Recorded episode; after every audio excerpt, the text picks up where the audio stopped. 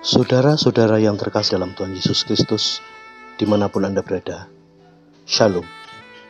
Gembala menyapa pada hari ini diambilkan dari kitab Efesus pasal 5 ayat 6 sampai dengan 21 dengan judul Gelap atau Terang. Saudara-saudari yang terkasih, mengendarai kendaraan bermotor di ruas jalan yang lebar, seperti halnya di ring road maupun di jalan tol, ternyata memberikan makna bahwa manusia bisa mengabaikan keselamatan diri. Mempercepat laju kendaraan dan melanggar marka jalan hingga berada di jalur berlawanan adalah hal yang sering terjadi.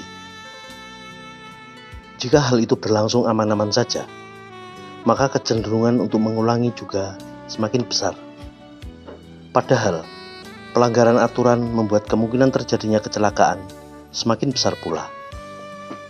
Sedikit banyak, hal ini mengingatkan kita pada kehidupan iman kita yang juga sering kali abai dan melanggar batas hanya karena ingin menikmati hidup dengan versi kita sendiri. Saudara-saudari yang terkasih, Paulus dalam suratnya memberikan gambaran dua suasana yang harus dicermati oleh jemaat di Efesus, yaitu suasana sebagai anak-anak terang yang dulu pernah mengalami suasana kegelapan. Terang identik dengan penurut Allah, hidup dalam kasih, mengucap syukur, melakukan kebaikan, keadilan, kebenaran, arif, penuh dengan roh, berkata dalam Mazmur, kidung pujian, dan nyanyian rohani, bersorak, dan merendahkan diri seorang kepada yang lain.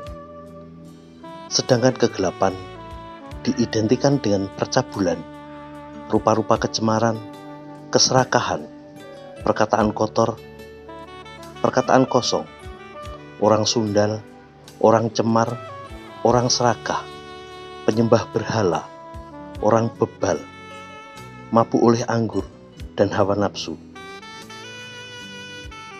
Berikutnya, Paulus menyatakan hal yang berkaitan dengan kegelapan jangan sekalipun disebut atau menyebutkannya.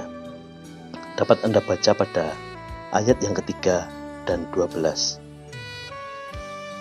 Saudara-saudari yang terkasih, inilah salah satu cara dari Paulus untuk menegaskan garis batas pemisah antara terang dengan gelap, agar kita tidak melanggarnya Tujuannya menempatkan posisi diri sehingga tetap berada dalam keselamatan.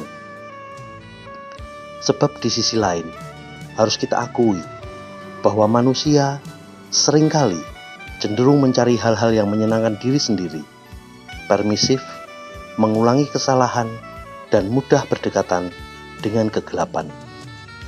Walaupun tahu hal itu membahayakan dirinya. Karenanya diperlukan sikap tegas dan disiplin diri secara konsisten agar kita tidak tercampur kembali dengan kegelapan. Jadi, jika ada pertanyaan, jadi anak terang atau gelap? Lalu apa jawab kita?